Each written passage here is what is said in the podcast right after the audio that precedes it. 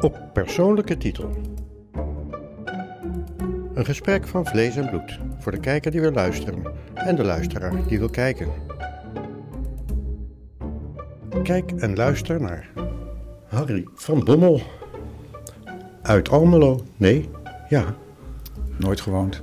Waar dan? Ik woon in Diemen. Nu. Ja, Maar waar ben je geboren? ik ben geboren in Helmond. Oh, Helmond. Ja, Helmond, dat is ook zo ja. ver weg. Klopt. Ja, daar ga je al. En hoe was dat in Helmond? Ik heb er maar kort gewoond. We zijn daarna naar een eh, buitenwijk, wat toen nog een aparte gemeente was, Stiphout verhuisd.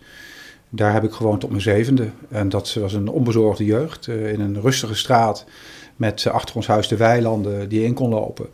De sloten waar je naartoe kon om salamanders te vangen. dat soort dingen. Dus een buitenmens. Nou, een dorpsjongen zou je kunnen zeggen, ja. Van wat voor ouders? Eh, typisch eh, publieke sector. Mijn vader was leraar, mijn moeder was verpleegkundige.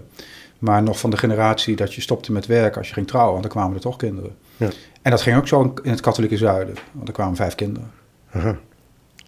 Vier broers en zussen. Ja, ja, ja. Ik heb eh, drie oudere zussen en een jongere broer. Ja, En was dat te doen in dat gezin? ja hoor, dat, eh, het was een, eh, een leuk huis eh, met een ruime tuin eh, en eh, eh, alles eh, goed geregeld. In die tijd eh, nog het kerngezin. Hè? Vader verdiende genoeg om een hele gezin te onderhouden. Ja, we hebben het over 60 jaar geleden inmiddels, hè? Ja, Dat komt eraan. Dat je 60 wordt dus. ja dat klopt, ja. ja. Maar goed, je was eh, een, in een groot gezin, gelukkig. Eh, en je vader was leraar en dat werd jij ook. Ja, Hoe ging dat op school? Ja, Was nou ja, het- dat is eigenlijk een onbewuste keuze. Ik wilde eigenlijk journalist worden. Ik wilde eigenlijk jouw beroep uitoefenen. Oh. Eh, maar na de middelbare school eh, ben ik eh, twee keer uitgeloot voor de school voor journalistiek in Utrecht. E- eerst militaire dienst vervuld om dat jaar te overbruggen. En toen vervolgens begonnen aan de lerarenopleiding omdat ik hoorde van mensen bij krantenredacties en tijdschriftenredacties... je moet vooral niet naar de school voor journalistiek gaan als je journalist wil worden... Want aan die mensen hebben wij heel weinig. Ze kunnen meestal niet eens goed schrijven.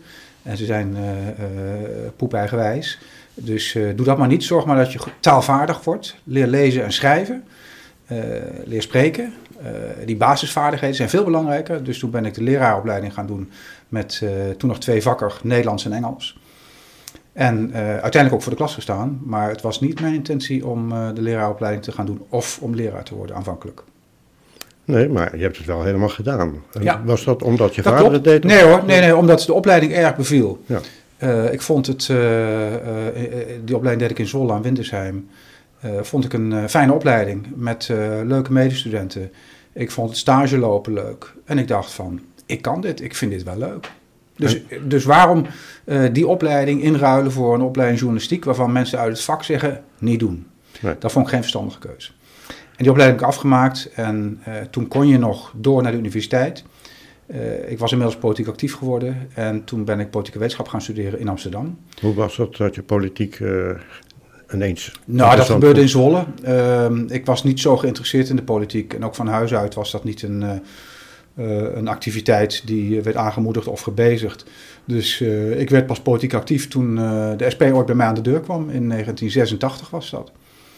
En, Ze kwamen je halen. Nee, nee, nee. In die tijd was colportage, deur aan deur gaan, nog heel gewoon. Eh, met het eh, ledenblad De Tribune. Die kwam toen nog eh, twee wekelijks uit. En er speelden toen wat lokale onderwerpen. Onder andere het onderwerp van de bibliotheek. De lokale bibliotheek die, die wilde leengeld gaan vragen per boek.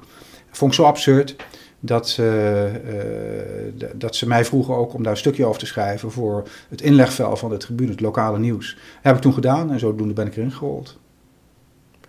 Maar wat was je voor jongetje in dat grote gezin? Was je eh, toen al onstuimig? Nee, ik was wel echt een buitenkind. Eh, Wat is dat? eh, buitenkind, graag buiten zijn. Ja. Buiten heb ik lang volgehouden, ook later toen we naar Overijssel verhuizen. Buiten spelen, buiten bouwen. ook letterlijk de bouw op, de nieuwbouw op. De stijger op, hartstikke leuk. Kwam de politie vaak aan de deur bij jullie? Nee, niet vaak. Hm. Nee, is wel eens gebeurd, maar dat was niet vaak, nee. En dat was dan niet voor eh, de kleine Harry? Uh, nou, er is wel eens wat gesneuveld. Uh, er is wel eens wat gepikt. Het zijn allemaal van die dingen die, die horen bij, bij de gewone jongensjeugd, vind ik. Zolang je maar op tijd in het rechte spoor komt.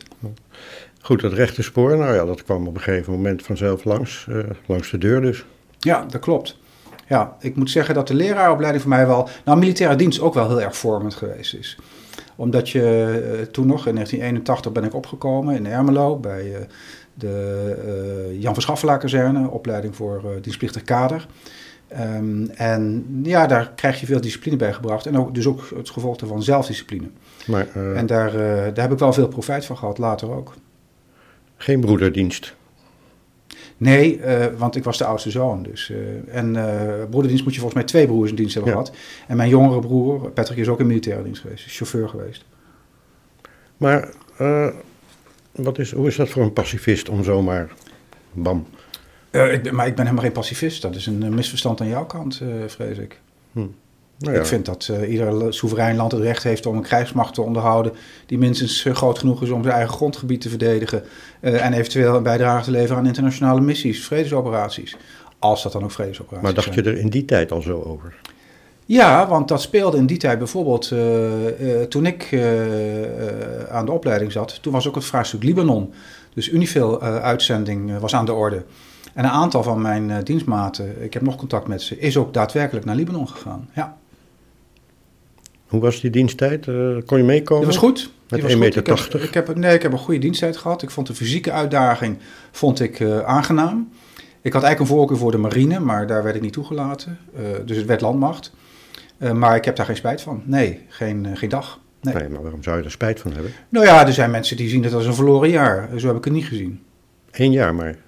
Eén jaar, ja, ja 14 maanden. Maar nogal wat mensen, ook van mijn leeftijd toen, die hadden toch echt zoiets van: ik ga proberen daar onderuit te komen. Dat is niet in me opgekomen. Hm. Um, nou ja, goed, de SP eh, is toch een redelijk pacifistische club, of zie ik dat nou verkeerd? Nou, volgens mij zie je dat verkeerd. Ook oh. de SP die, is van mening dat, dat er een krijgsmacht moet zijn en dat, dat daar geld bij hoort en mensen bij horen en wapens bij horen. Dus dat is bepaald niet pacifistisch. Nou, oké. Okay. Vergissing mijnerzijds. Misschien vergis ik me, omdat in die jaren, we hebben het even gehad over ja, 1963, 62 was het? 62, ja. Het geboortejaar van Harry van Bommel. En in die tijd is het pacifisme, de, toen had je ook de, de PSP. PSP. En daar vergis ik me Ja, ja, ja, dat scheelt een letter. Ja, dat is nu, nu GroenLinks trouwens.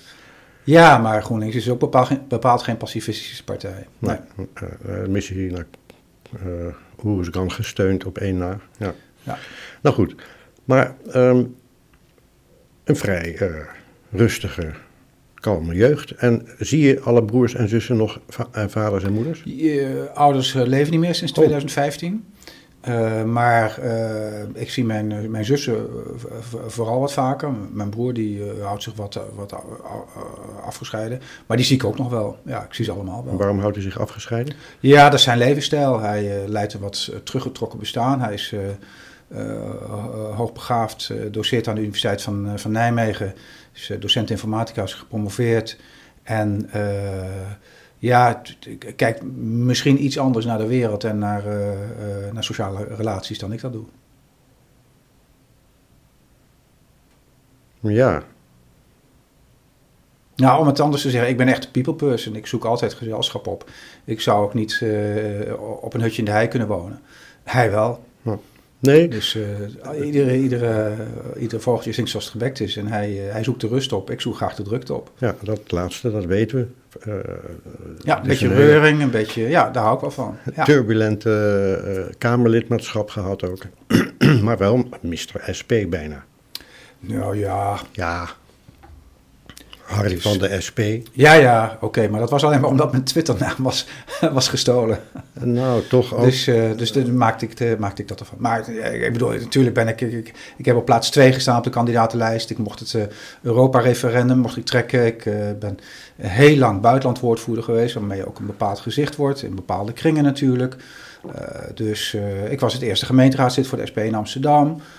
dus dat zijn wel allemaal dingen die bijdragen aan een sterk profiel. Dat klopt, ja was een, een turbulente uh, geschiedenis altijd.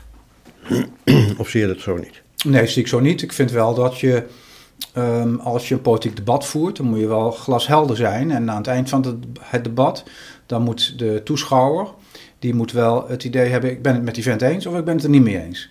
Als de toeschouwer denkt van ja, dat is ook een mening, zo kun je er ook over denken, dan heb ik het niet goed gedaan. Hm. En ook uh, uh, met, uh, ja, als een olifant in de porseleinkast door de landen lopen. Nou, er zijn wel wat, wat incidentjes geweest. Ja, maar... zo zie ik mijn eigen optreden niet. Nee. nee. nee. Ik vind dat er tegenwoordig veel meer rumoer in de politiek is. Absoluut. Ik kijk natuurlijk nog regelmatig naar Kamerdebatten. Ik heb ze ook nog wel bijgewoond. En dan voel ik me soms wel ongemakkelijk hoor. Ja, de dingen die gezegd worden, de woorden die gebruikt worden, de, de filmpjes die gemaakt worden, de wijze waarop mensen elkaar uh, aanspreken. Ik vind dat. Uh, ja, misschien is de reflectie van de ontwikkeling in de samenleving. Maar uh, ik ben blij dat ik daar geen onderdeel meer van ben. Nou, dat is vijf jaar geleden. Ja, dat is vijf jaar geleden. En er is in vijf jaar echt wel wat veranderd. Kijk alleen al naar het aantal fracties, waardoor hè, nu twintig, waardoor mensen steeds hoger moeten springen om nog in beeld te komen. En dan krijg je dus ook uitwassen, uitspraken die steeds verder gaan, mensen die elkaar beschimpen. Uh, ik bedoel, er was in die tijd dat ik Kamerlid was, was er al een ontwikkeling naar, laten we zeggen, een paar keer per jaar een motie van afkeuring, een aantal andere zaken. Maar dat bleef allemaal nog binnen de politieke spelregels. Nou, Marijnissen die noemde Lubbers, ik voel me belubberd. Ja, ik herinner me nog wel andere incidenten, flapdrol-incidenten en, en, en weet ik veel wat. Maar ja, dat, nou ja, tijd verandert. Uh, ja. ja. Uh, maar je zou je dan nou niet meer thuis voelen? Of? Nou, ik vind het lastig wanneer uh, de, het accent zich verschuift naar alles doen om maar in beeld te komen. En het echte kamerwerk raakt op de achtergrond. Hè, het is allemaal meer nog dan, en dat is alleen maar erger geworden. was in mijn tijd natuurlijk ook al wel zo. Ik heb er niet voor niks bijna 19 jaar Kamerlid, 23 jaar Binnenhof gewerkt. dat mensen wel hun best deden om in beeld te komen. Maar het lijkt er nu alleen nog maar om te gaan: kan ik vanavond in op één zitten of bij Bo of wat dan ook. En dat, ja, dat leidt wel tot, tot een verstoring van de gewone Kamerorde. De ja. aanval op de voorzitter, de sociale media spelen er een rol in, het gebruik daarvan. ja, die, die, die, die waren er heel lang niet natuurlijk. Hè? SP heeft altijd een beetje ja, de uh, misgunst gehad naar uh, partijen die een eigen zuil op tv hadden. Die had de SP niet. Nee, ja. Uh, toch denk ik dat SP'ers, ikzelf ook, Jan Rijns, Agnes Kant, andere, Renske Leijten, noem maar op, dat die voldoende in beeld komen hoor. Ik denk dat wanneer je zou gaan turven, dat dat dat het helemaal niet, dat niet een bevoor, bevoordeling is van, van, van andere fracties. Nee, ik denk dat als je je werk goed doet en je neemt onderscheidende standpunten in, dan kun je daar zeker wel mee in beeld komen. Nou, onderscheidende standpunten van Van Bommel waren op het gebied van nou, de Palestijnen destijds. Nu is het Salafé geworden, maar de ontmoetingen met Hamas tegenoorlogen die begonnen zijn. ja, heel uitgesproken. En in die uh, commissie, buitenland, waren twee toch kopstukken die uh, fijn met elkaar ijverden. Dat waren Han ten Broeke en Harry van Bommel. Ja, en zijn voorganger Hans van Balen, die niet meer onder ons is. maar het is natuurlijk voor de hand liggend dat twee partijen die, die zo ver uit elkaar liggen, ideologisch, uh, maar ook op het internationaal beleid, um, dat die uh, elkaar in het debat goed weten te vinden. Ja. En dat is, dat is in mijn hele loopbaan zo gebleven. Ik herinner me de allereerste debatten die ik deed, die in 1998, die gingen over Kosovo. En over het, het ingrijpen in Kosovo. Geert Wilders was toen nog woordvoerder voor de VVD. En ik heb met andere VVD'ers ook, uh, Jan-Dirk Blauw, noem maar op. Ik heb altijd aan de VVD'ers een goede tegenspelers gehad. Ja, was aangenaam debatteren. Het moet in het debat natuurlijk ook gaan om visies die tegenover elkaar staan, zodat je de, de, toeschouwer ook echt een keuze kan laten maken. Hm. Hè, daar is het politieke debat in de Kamer voor bedoeld, zodat uh, mensen ook kunnen zien. Eén, om te kijken of je het eens bent met de regering. Twee, om te zorgen dat je het volk vertegenwoordigt en dat je een duidelijk standpunt naar voren brengt. Ja. Nou, dat deed je. Heel duidelijk zelfs. Er was ook vaak kritiek op. Hè. De bekende dingen zijn eh, ontmoetingen met vrouwen, of in ieder geval dingen rond vrouwen. Hè. Dat is dan eigenlijk heel raar aan je blijven kleven, want dat kwam voornamelijk toen al van wat meer illustere kranten dan meer van, van de mainstream media. Die deden daar niet zo heel erg aan mee, maar het is toch aan je blijven kleven, denk ik, of niet? Nee, ik heb daar verder geen last van. Nee, nee. nee gehad ook niet? Die naam? Ja, nee, ik heb daar toen ook geen last van gehad. Hm. Nee. Ja, het is niet aangenaam, maar uh, je weet dat wanneer je uh, met je hoofd boven het maaiveld uitkomt, dat er alles uh, tegen je in de strijd zal worden geworpen. Hm. Dat varieert van de auto waar je in rijdt, daar heb ik ook wel eens commentaar op gehad, tot hoe je je kinderen opvoedt en andere dingen. Dus ja, mensen halen alles bij. Dus, je hebt één kind en je hebt een vriendin, toch? Zeker. Ja. en dat is ook altijd zo gebleven. Ja. ja dus en dat kind ondertussen is ja, geen kind meer? Ja, die is 17, ja. uh, wordt bijna 18, studeert HBO-rechten. Ja. Zit bij de Nederlandse Debatclub. en ziet ook in zijn opleiding heel veel kansen om het debat aan te gaan. Hij houdt erg van het debat. en daar kan ik hem wel eens bij helpen. Ja, dat, dat kan ik me voorstellen. Um, even terug naar die commissie Buitenland. Ehm, ja wat ik me herinner, ik volgde dat graag. En uh, nu uh, denk ik uh, bij het vertrek van, van Bommel en. Hoe heet hij? Ten Broeke. Ten Broeke. Ehm, ja, is het eigenlijk niks meer. Ja, dat kun je denk ik niet zo zeggen. Nou, ja, er, spelen, spelen toch hè, nu ook om te volgen. Oekraïne en zo. Er spelen toch hele grote onderwerpen. Tuurlijk, maar humor, een beetje de, de, ik heb me nooit nou, kwaad gemaakt om jou. Ik, ik denk, ik denk dat uh, de, de, de omloopsnelheid die hoog is, dus de korte zittingsduur van Tweede Kamerleden, dat die daar mede debet aan is. als je langer in de commissie Buitenlandse Zaken zit, dan raak je beter op elkaar ingespeeld.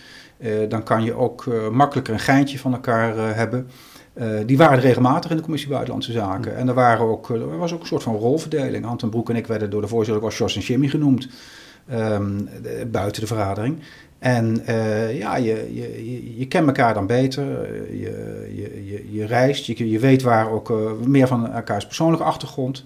En dat draagt wel bij aan een, uh, denk ik, aan een wat hygiënische vorm van debatteren. Maar ondertussen hoor ik iets van een verwijt wat betreft een brain drain. Nou, ik vind het jammer als mensen echt maar één periode in de Kamer blijven. Um, uh, ik denk dat je behoorlijk wat tijd nodig hebt om het uh, Kamerwerk goed in de vingers te krijgen. Ook al ben je misschien uh, wethouder of gemeenteraadslid geweest. Dan nog zul je een, een, redelijk lange inwerkperiode hebben. Omdat de procedures in de Kamer best, best fors zijn. daar moet je, en ook om een plek te verwerven binnen een commissie. Uh, zodat je rol daarin ook duidelijk wordt. Ook uh, dat je gezag krijgt in de fractie. Dat duurt allemaal even. Dat lukt je niet binnen een jaar. Mis je het werk? Nee, want ik, het werk als zodanig is natuurlijk buitengewoon inspannend. Je werkt gewoon 60 uur, 70 uur in de week. Je staat altijd aan. Als je telefoon gaat, dan, uh, dan weet je, het is of de pers, of het is een collega, of het is een medewerker. Het is altijd werk. Als mijn telefoon nu gaat, dan is het mijn zoon uh, met de vraag van uh, hoe laat eten we en waar ligt dit en dat. Hij ging om half drie s'nachts, geloof ik, dat de voorzitter belde. Er staan Koerden in de Tweede Kamer. Ja, nou, het was niet zo laat, maar ik werd wel gebeld, ja. En toen met met meer dan 200 km per uur van, uh, van Diemen uh, naar uh, de Kamer gereden. Ik weet nog dat ik zei, want ze belden me op, ik lag in bed. Ik, ik, ik, ik zat het wel te, te volgen op, op, sociale media, denk ik.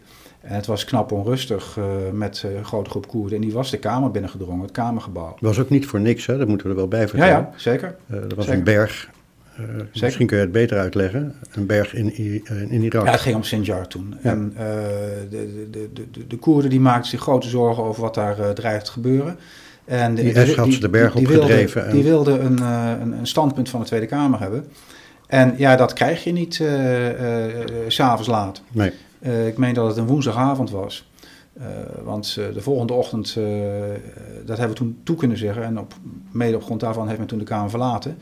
Uh, op donderdagochtend is toen de commissie Buitenlandse Zaken bij elkaar gekomen. En die heeft daar toen nog over gesproken. De Kamer verlaten, je bedoelt? Ja, ze, ze waren in het Kamergebouw, Ja, in de ja. Statenpassage. Ja. En eh, ja, het, het was natuurlijk de, de opdracht om ze daaruit te krijgen. Maar het was wel grappig, of grappig, het was eh, tekenend dat Harry van Bommel uit bed gebeld werd. Want die Koerden die waren de Kamer ingedrongen. En Ja. eh, eh, nou ja, dat was best bedreigend voor de beveiliging destijds, heb ik gehoord. Ja. Ehm, en Harry van Bommel moest uit bed komen met politie-escorten midden in de nacht om met ze te praten. Nee, het was nog sterker. Ik wilde eigenlijk met mijn eigen auto gaan. Maar toen zei ze, nee, eh, we komen u halen. En toen zat ik dus in de politieauto. Want mijn eigen auto, die kan, die kan maar geen 200 km per uur.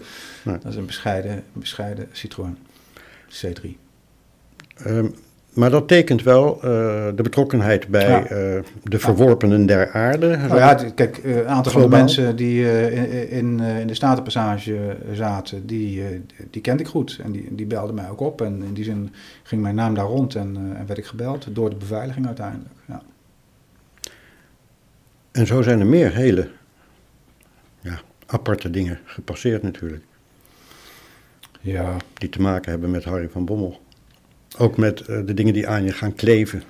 Ja, alleen als jij ze herhaalt. Eh, Nee, dat- ver- ik- verder verder eh, heb ik daar geen last van. Nee. Vrijwel ineens eigenlijk. verkiezingsuitslag viel tegen, weet ik wat het was precies. Zei je, nou, ik stop ermee. nee, dat was niet na de verkiezingsuitslag. Dat was ruim een jaar voor de Ja, verkiezingen. ja. En eh, ik, ik liep toen tegen de 55. Ik eh, was. eh, we hebben toen een grote reis gemaakt met gezin door Amerika een maand. En dan heb je, omdat je in Amerika zit, heb je echt niet de gelegenheid om het werk te volgen vanwege tijdsverschil. Dus dat heb ik toen ook laten lopen. En dan krijg je echt de kans om goed na te denken. En mijn vrouw, die eh, eh, HR doet eh, bij, eh, bij een landelijke organisatie, die zei: ja, je, resource. ja, eh, personeelswerk zeg maar. Eh, zo heette dat vroeger. Die zei tegen mij: van je moet je wel afvragen eh, wat je wil. Als je nog iets anders wil doen, dan zul je wel een keuze moeten maken. Want als je nog één periode doet, Waarom dan ben je ze dat? 59, 60 en dan, eh, dan kom je nergens meer aan de bak. Ehm, of dat zo is, weet ik niet. Ehm, maar ik dacht wel van nou, ik wil graag nog wat anders doen. Ik wil niet tot mijn pensioen in de Tweede Kamer zitten. En ik was toen al het langzittende Kamerlid. En eh, toen heb ik in die zomer heb ik een knoop doorgehakt. En eh, ik, ik, ik, weet nog dat het eh, in de, in de, je had dan die sportzomer.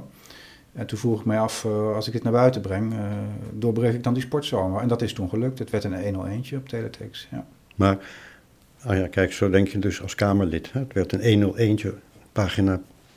Ja, nou ja, kijk, eh, je, je, wil dat dingen die je, die je doet, die nieuwswaardig zijn, dat die ook in het nieuws komen.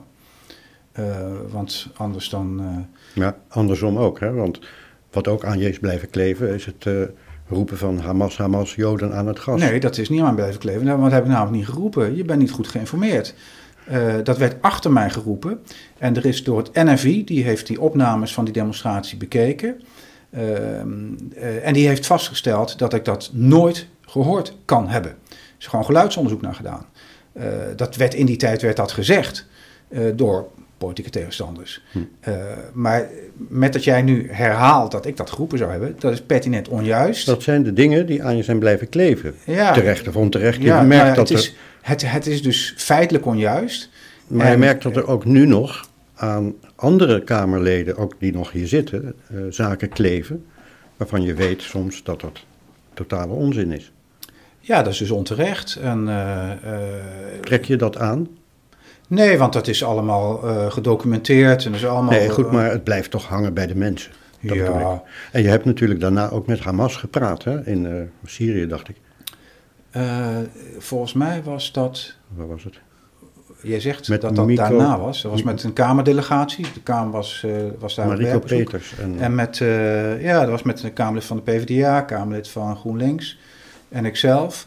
En uh, er zouden nog andere Kamerleden meegaan, maar één of twee daarvan haakten af op het laatste moment. Kijk, ik heb in mijn Kamerlidmaatschap heb ik altijd met iedereen gesproken. Ook met, met mensen van, van foute partijen.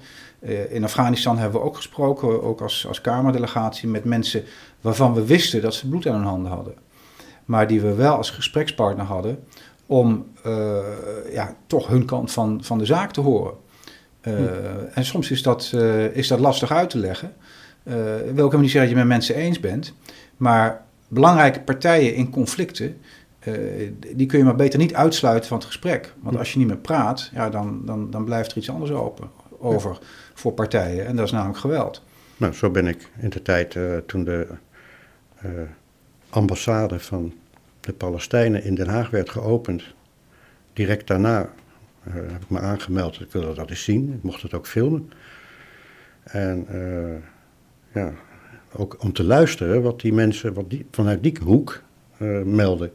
als je weet hoe het zit. En het is toch interessant om te weten hoe zij denken dat het zit. Ja, en ja. dat vond ik ook, heel interessant. Ja. En het is toch heel raar dat je daar gaat zitten.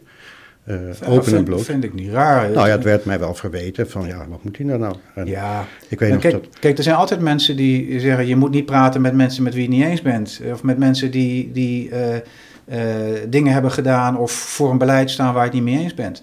Dat vind ik voor een journalist onverstandig en ik vind het voor een politicus ook onverstandig. Nou, Als, toen veel... Netanyahu naar de Tweede Kamer kwam, ja. ben ik gewoon met hem gaan praten. Heb ik hem ook gewoon een hand gegeven.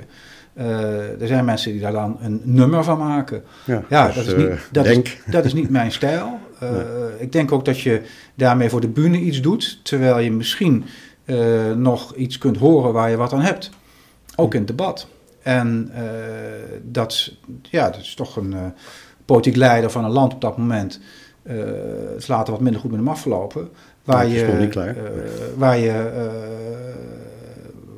waar je van hoopt dat de internationale gemeenschap daar zaken mee kan doen. Ja.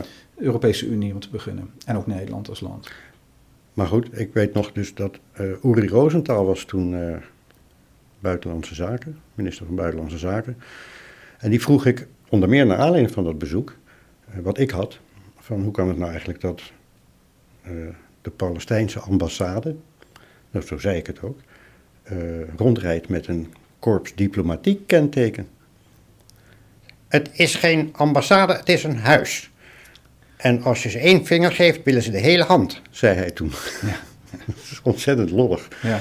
Nou ja, goed, maar... Je imiteert hem trouwens wel goed, vind ik. Ja, ja ik sprak hem ook vaak destijds. Ja. En het is een hele aparte man. Hij, uh, is een beetje een nasale stem. Uh, ja, hoe lag hij in de, uh, onder de ambtenaren?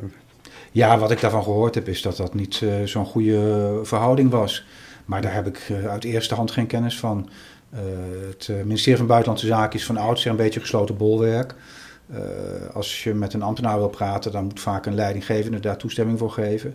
Daar heb ik wel situaties in meegemaakt die voor alle partijen ongemakkelijk waren. Twee kampen ook, hè, hier? Ja. ja. Hier zeg ik, hier zaten ze. Ja, ja. Nee, maar dat, dat, dus ik denk dat... Uh, kijk, heel veel ambtenaren weten dat ministers komen en gaan.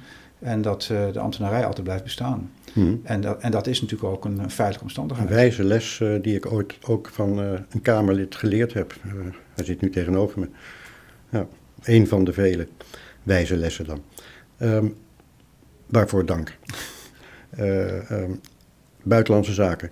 Dat was wel het ja, belangrijkste onderdeel ja, samen met Europese zaken hoor. Ja, natuurlijk. Ja, dat, is, uh, dat zijn toch twee verschillende dingen. Uh, overigens, daarvoor heb ik met veel enthousiasme ook het woordvoederschap over onderwijs gehad hoor. Was ook in de tijd van de grote onderwijshervormingen. dus dat, dat was ook interessant. Hm, die zijn niet helemaal goed afgelopen, geloof ik. Nee, maar ja, daar klaagt men in het onderwijs vanzelfsprekend ook veel over dat er uh, toen nog in Zoetermeer, dat daar dingen bedacht werden, ja. die dan in, in de scholen moesten worden uitgevoerd. Maar leraren, ik ben zelf leraar geweest, leraren stelden me altijd gerust. Leraar zeiden altijd tegen mij, Harry, wat ze in Zoetermeer en Den Haag ook bedenken, zodra de deur van het klaslokaal dicht is, dan gaat het gewoon op mijn manier. En de autonomie van de leerkracht, die is dus ook nog steeds heel groot. Het is jammer dat ze, en belastend dat ze zoveel met administratieve zaken worden lastiggevallen. Maar de meeste leraren die willen gewoon bezig zijn met onderwijs, met hun leerlingen, ze verder brengen en samen dat proces doen. En, en ook de mooie dingen die erbij horen. En dan, dan, ja, dan moet je ze niet al te veel lastigvallen met in mijn tijd MBO-modularisering. Of uh, tweede fase in het voortgezet onderwijs. Of het studiehuis. Of al die andere dingen die toen bedacht werden. Hm. Want dat betekent dat het allemaal weer anders moet. Terwijl die leerkrachten weten dat het uh, over een aantal jaar ook weer omgegooid wordt. Dus die worden daar cynisch van. Ik spreek nog wel eens uh, oud-medestudenten van de leraaropleiding. En een nou, redelijk aantal daarvan staat dus nog steeds, hè, sinds uh, ons afstuderen, en dat was in 1987, voor de klas. En dan hoor ik die verhalen wel. En dan denk ik van ja, het is knap dat je het zo lang volhoudt. Ja, uh, ja. heb je ook heel lang gedaan hier in huis en bij de SP. Daar ben je toen gestopt. Uh, heb je al aangegeven eigenlijk waarom je toen stopte? Behalve dan dat het dacht, uh, ja, je, je, zocht een carrière in het buitenland. Zeker, zeker. Maar die twee dingen, mijn opzegging als lidmaatschap, heeft niet zoveel te maken met, mijn, met mijn vertrek uit de Tweede Kamer. Ik had grote moeite met de manier waarop Lilian Marijnissen aan de macht is gekomen. En er waren eerder al, hè, ook rond de, verkiezing van de voorzitter uh, waren er uh, kwesties die toch echt raakten aan de interne partijdemocratie. Daar had ik moeite mee. En ik had ook moeite met de eenzijdigheid van de campagne, uh, die er in de laatste twee jaar van mijn lidmaatschap was op het Nationaal Zorgfonds, op de zorg. En dat ging niet zozeer over de, kwaliteit van de zorg, als wel om de inrichting van de zorg, hoe je tot een goed zorgstelsel komt. En dat vond ik niet een, een vruchtbare campagne. Het heeft ook tot niks geleid, helaas. Ja, dus met andere woorden, het is een, een, een, een duidelijke keuze geweest van oké, hier neem ik afstand van, want dit is niet meer de partij waar ik bij hoor. Ja, dat klopt. Ja, kijk, het is, bij dat soort nou dingen is het altijd, er is iets wat de druppel is. Tuurlijk, het is, het is ook bovendien een soort familie van je, want die was weer aan de andere kant zo enthousiast als je won. Klopt. klopt. zetels won of klopt, uh, klopt. een verkiezing nee, maar kijk, zie het maar als een huwelijk. Een, uh, een echtscheiding kan een, de oplossing zijn voor een probleem. En een echtscheiding zegt ook helemaal niet in alle gevallen iets over de kwaliteit van het huwelijk in de voorgaande jaren. Een echtscheiding zegt eigenlijk vooral dat je geen toekomst meer samen ziet. Hm. En dat was bij mij het geval. Ik zag voor mijzelf geen toekomst meer bij de SP. En, en ik kon het ook niet meer verdedigen. En dan, ja, dan is het ook tijd om, uh, om de verbindenis te verbreken. En dat heb ik gedaan eind 2017. En nu ben je een nieuwe verbindenis aangegaan? Ja, ik ben ambtenaar geworden. Nee, oh. partij. Ik ben uh, voor, vooral ambtenaar geworden. Een lid eh, van een nieuwe partij? Ja, uh, weet je, over partijlidmaatschap moet je als ambtenaar eigenlijk niet, niet praten. er zijn heel veel ambtenaren die wel bij een politieke partij zitten. Maar zeker als je, zoals ik, zo dicht op bestuur zit, dan, dan is het niet, niet raadzaam om daar veel over te zeggen. Dat, dat is niet handig. Maar ik, ik, ik wil er ook niet veel over zeggen. Ik wil alleen maar kwijt bij welke partij je dan nu wel als lid aangesloten bent. Want dat is... Ja, maar dat, is, dat, ja, dat beschouw ik niet als... Uh, beschouw ik vooral als een persoonlijke uh, aangelegenheid. Ja, maar dat Net is goed dit als, uh, gesprek gaat over persoonlijke aangelegenheden. Ja, maar ja, als je naar de hoogte van een bankrekening zou vragen, een nee. spaarrekening, dan zou ik daar ook over zwijgen. Oké, maar je bent lid van de Partij van de Dieren. Ik doe daar verder geen mededeling over. Ik, ik vind dat het lidmaatschap van politieke partijen uh, en, en, en, verenigingen vind ik, uh, vind ik een privé-aangelegenheid. Maar om je te leren kennen, snap ik de switch. Kijk, het is aan de andere kant zo dat uh, we hebben zelfs een, een oud minister-president die nu lid is van DENK. Ja, dat mag toch allemaal? Daarom. Ja, maar dat, dat weet ook iedereen. Maar het is een persoonlijke keuze van mensen. Over, uh, van acht. is een persoonlijke keuze van mensen. Ja. En uh, ik, uh, ik respecteer dat en ik hoop dat dat van mij ook gerespecteerd wordt. Het is, ook niet, het is toch niet een, het is in ieder geval geen gekke switch van de SP naar de Partij voor de Dieren. Ik bedoel. Dat lijkt me niet. Nee, ik, nou, ik, dus, uh, ik, hoor dat. Uh, je hoort dat als, je bent ambtenaar inmiddels. Vaker, ja. En dan mag je dat kennelijk niet uh, zeggen. Nou ja, het, het, is, voor een ambtenaar is het makkelijk als je. Partijloos. Als je, nou, als je, als je iedereen goed kunt bedienen. Ik werk natuurlijk voor een college in Zwolle. Dat heb je toch al bewezen? ja, dat vind ik wel. maar dat oordeel, daar ga ik dus verder niet over. Hm. Nou, het is ook geen oordeel, veroordeling. Maar ik vind het pikant, ik vind het interessant. Het hoort bij je. Waarvan akte? Je groeit en je denkt, hm, dit bevalt niet, ik heb daar goede redenen voor. En ik ga het zoeken bij een andere partij. Dat kan. Als dit, je vrouw heeft in uh, de US tegen je gezegd, denk aan je carrière. Ja, die heeft, zich dat, uh, die heeft mij dat voorgehouden, die spiegel. Ja. En, uh, en ja, die, rekensom was, uh, was snel gemaakt. Overigens had ze meer gelijk dan dat ze, dan dat ze toen kon, kon bedenken. Want ik heb een aantal keren gesolliciteerd bij internationale organisaties. Want dat zou je gaan doen. En precies. En ja, daar speelde de leeftijd al een rol. omdat je, wanneer je internationaal werk wil doen, ja, dan moet je toch al wat langer bij een internationale organisatie werken. En op je 55ste, ja, dan kan je niet eerst nog vijf jaar bij een organisatie werken voordat ze je gaan uitzenden. Kende Sigrid Kaag want, niet? Want dat, dat doen ze niet zo graag. Kenden ze jou, Sigrid Kaag? Nee. Oh. nee. Dus je had geen opstapje? Nee. Nee, nee dat, dat speelt natuurlijk ook een rol. Hè? Als je, uh, als je uh, lid bent van een partij die de minister heeft geleverd voor, voor een rol in het internationale beleid van Nederland, ja, dan heb je een makkelijker opstap. Dat, dat zijn wel veel voorbeelden van, ja. Dus de ambtenaar Harry van Bommel eindigt straks over zeven jaar met een pensioen als ambtenaar. Dat is correct. Ja. En zo, zo moest het gaan, dat was het. Dit is wat je gewild hebt. Ben je helemaal... Ik heb bij mijn indiensttreding in Zwolle heb ik gezegd... Uh, het is wel interessant dat ik eigenlijk hetzelfde carrièrepad uh, van mijn vader volg. Namelijk begonnen als leraar en eindig als ambtenaar in Zwolle. En dat is wel een, een, een markant, markant pad. Ik heb natuurlijk een andere tussenfase gehad. maar ja, het, nou, het ambtenarenbestaan, ik moet zeggen... ambtenaren in Nederland hebben het niet slecht. Met wie heb je nog contact hier binnen de Kamer, behalve met mij? Oh, met, met verschillende Kamerleden, uh, maar ook met uh, oud-Kamerleden vanzelfsprekend. Ja. ja, kom ook nog wel regelmatig mensen tegen. Ja. De oude Harry van Bommel is. Ken, is die er nog? Ik zie hem. Ja, ja.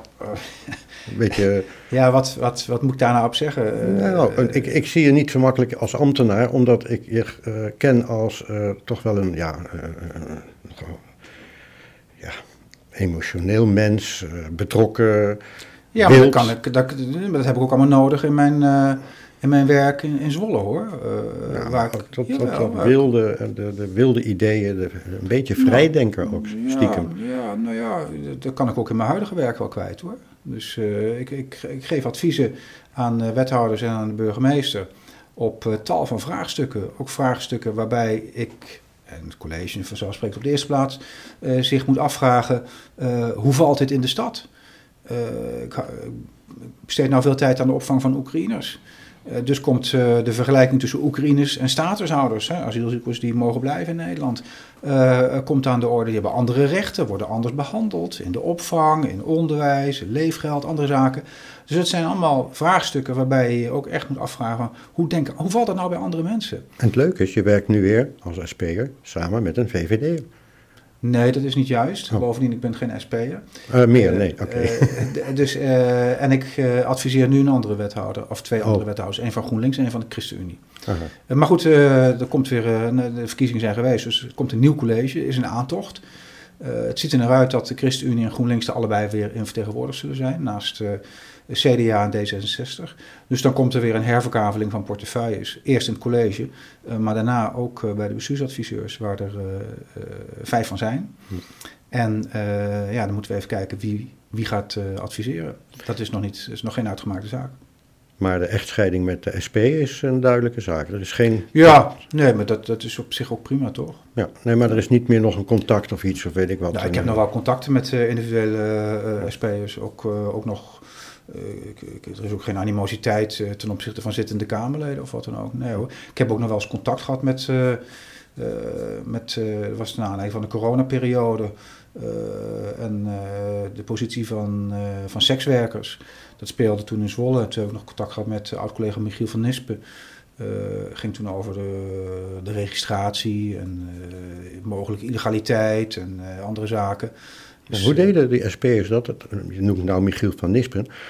Uh, tot slot hoor, waarom, hoe, komen de, hoe komt de SP aan zoveel getalenteerde mensen? Want uiteindelijk, uh, De Wit en noem ze maar, uh, Jans, Paulus... Pa Paulus Jansen. Paulus ja. Nou, kijk, de, die mensen komen meestal in afdelingen, afdelingen bovendrijven. Ehm, hebben een goede, vaak een, een, een goede training als medewerker. Dus dan ken je de procedures en vorm en inhoud ook goed. Uh, en dat, uh, dat betaalt zich uit. Dat betaalt zich uit in de vorm van vaak toch goede, kwalitatief goede Kamerleden. Michiel is daar een voorbeeld van. Ja, Ronald van Raak, hij is helaas vertrokken. Ook zo'n kanjer. Ja. Nou. Nou, uh, vlak Renske leidt er niet uit. Nee, natuurlijk, maar ik bedoel, die is zo bekend nu dat, uh, dat is oh, die praktisch het gezicht. Hè? Uh, ja, ja, we hebben ja, nee, hij heeft heel goed gedaan samen met Pieter ja. de toeslagenaffaire. Absoluut. En dat vind ik ook een voorbeeld van ehm, Kamerleden, Renske en Pieter, die zich dus niet primair afvragen hoe kom ik vanavond in op één, maar ik heb deze zaak nou opgepakt, nou blijf ik dat ook doen. En daar ga ik veel tijd in steken. Ook al betekent dat dat ik dan misschien wat minder bij andere programma's in beeld kom. Ja, plus hij is ziek ervan geworden. Ja. En hij is um, ja, zijn partij kwijtgeraakt. Ja. Net als jij eigenlijk. het heeft hem een, een hoop offers gekocht, gekost. En, dat, ja. en zo moet het zijn, kennelijk. Nou ja, het, kijk, in Den Haag maak je weinig vrienden. In, de, in, de, in, de, in de Tweede Kamer. En uh, dat is Pieter overkomen. Uh, want de dingen die over hem, ik heb ze niet uit de eerste hand, maar wat hij zelf naar buiten gebracht heeft, over hem gezegd en geschreven zijn in zijn eigen partij, ja, dan, dan, kan, je, dan kan je niet meer door één deur. Dat snap ik heel goed. Dat snap ik heel goed. En ik heb veel respect voor Pieter, die nog steeds heel goed werkt in zijn eentje. Wat uh, natuurlijk duivels moeilijk is. Dat is bijna niet te doen. En toch, ja, zoals ook deze week weer in de toeslagenaffaire, dan weet hij het wel heel goed te verwoorden. Heel goed te verwoorden. Dus is echt een klassekamerlid. Ja. Ga je nog, en dan houden we erover op, nog iets politieks doen? Ik bedoel, nog ergens mee. Ja, dat, uh, dat, dat, dat lijkt me sterk. Ik heb de, aan de bestuursacademie de opleiding tot raadsgriffier gedaan. En wie weet dat ik daar nog eens uh, gebruik van kan maken. Uh, dus uh, dan sta ik weer aan de kant van de volksvertegenwoordiging. Ik bedien nou natuurlijk het college, de bestuurders. En colleges hebben over het algemeen heel veel ondersteuning. En de gemeenteraad, ja, toch relatief weinig als je dat tegen elkaar afzet. En ik heb veel respect voor gemeenteraadleden, gemeenteraadsleden die met, ja, toch altijd, bijna altijd, naast een gewone baan, vaak in de avonturen, soms overdag, al dat collegewerk moeten beoordelen. Dat is een immense klus. En daar kunnen ze best wel meer ondersteuning bij gebruiken. En nu heb je uh, door het ambtenaar zijn ook meer tijd voor je hobby, onder andere het uh, motorrijden, of doe je dat niet meer? Jazeker, ja, ja, ja. Dat is gevaarlijk, hè? Dat is mijn grote passie. Ja. Motorrijden is niet zo gevaarlijk. Sommige motorrijders rijden gevaarlijk, dat is wat anders. Nou, ik heb als motorrijder zelf ervaren dat uh, automobilisten en ander verkeer heel weinig begrip hebben van wat ja, het is dus om motor te rijden. Dus, en dat, met die kennis moet je dus werken. En dat betekent dat je moet anticiperen. Ja. Uh, ja, je ziet soms uh, auto's met een hoge vaart achterop komen. Ja, doe je er verstandig aan om toch maar even aan de kant te gaan. en er zijn meer dingen, hè? mensen die op een iPhone zitten terwijl ze aan het rijden zijn. Ja, die gaan slingeren. Ken je de renurage? Nee, ik weet niet wat dat is. Als je naar Parijs rijdt, nou, het bestaat niet meer, maar renurage was een soort weggedeelte met verticale lijnen, dus gleuven in de weg. Oké. Nou, daar kon je als motor niet rechtop blijven. Nee. Dan ging je dus slingeren. Ja, levensgevaarlijk. En die, en die, uh, die weg, wegmarkering in het, als het regent ja. in de bocht. Ja, gevaarlijk. Ja. Ja, ook die bitumen lijnen die uh, uh, bij breuken in het asfalt zijn aangebracht. Die kunnen, als je daar in, de, in, de, in de bocht, als dat overdwars zit, dan kun je in de bocht kun je daar lelijk op uitglijden. Moet je allemaal rekening mee houden. Maar je hebt die kennis nodig om, om veilig te kunnen rijden. En als je roekeloos rijdt uh, of uh, die kennis niet hebt, dan rij je dus onveilig. Uh, maar dan is de motor niet gevaarlijk, dan ben jij gevaarlijk. Dus die roekeloosheid in de politiek compenseer je in het motorrijden? Nou, ik, dus jouw kwalificatie roekeloosheid in de politiek. Ik denk dat het toch vaak berekenend was. Ehm, en ja, kijk, als je op de motor zit, dan weet je één ding zeker: je kunt omvallen. Dus, dus, en dat gaat heel gemakkelijk hoor. Dat gaat, ik ben ook wel eens onderuit gegaan. Dus ja, dan, dan, moet je toch wel de risico's echt minimaliseren. Moet je echt op safe gaan. En ik ben met de motor heel voorzichtig. Ik, ik heb recent een mooie tocht gemaakt door Schotland. slechte wegen, dan ga ik niet s'avonds rijden. Er zitten zulke gaten in de weg. Die zie je niet. Die zie je pas als je erin rijdt. Dus rekening houden met de omstandigheden. En zeker voor het onzeker nemen. Dat moet je doen met de motor. Ja, dit was een heel mooi symbolisch einde. Ik wil je heel bedanken, erg bedanken voor dit gesprek. Graag gedaan. Dank je wel. U heeft geluisterd naar Op Persoonlijke Titel. Samenstelling Ernst Lissauer. Vormgeving, branding en online productie Carlos Jurissen. Zakelijk advies Jan Riemens.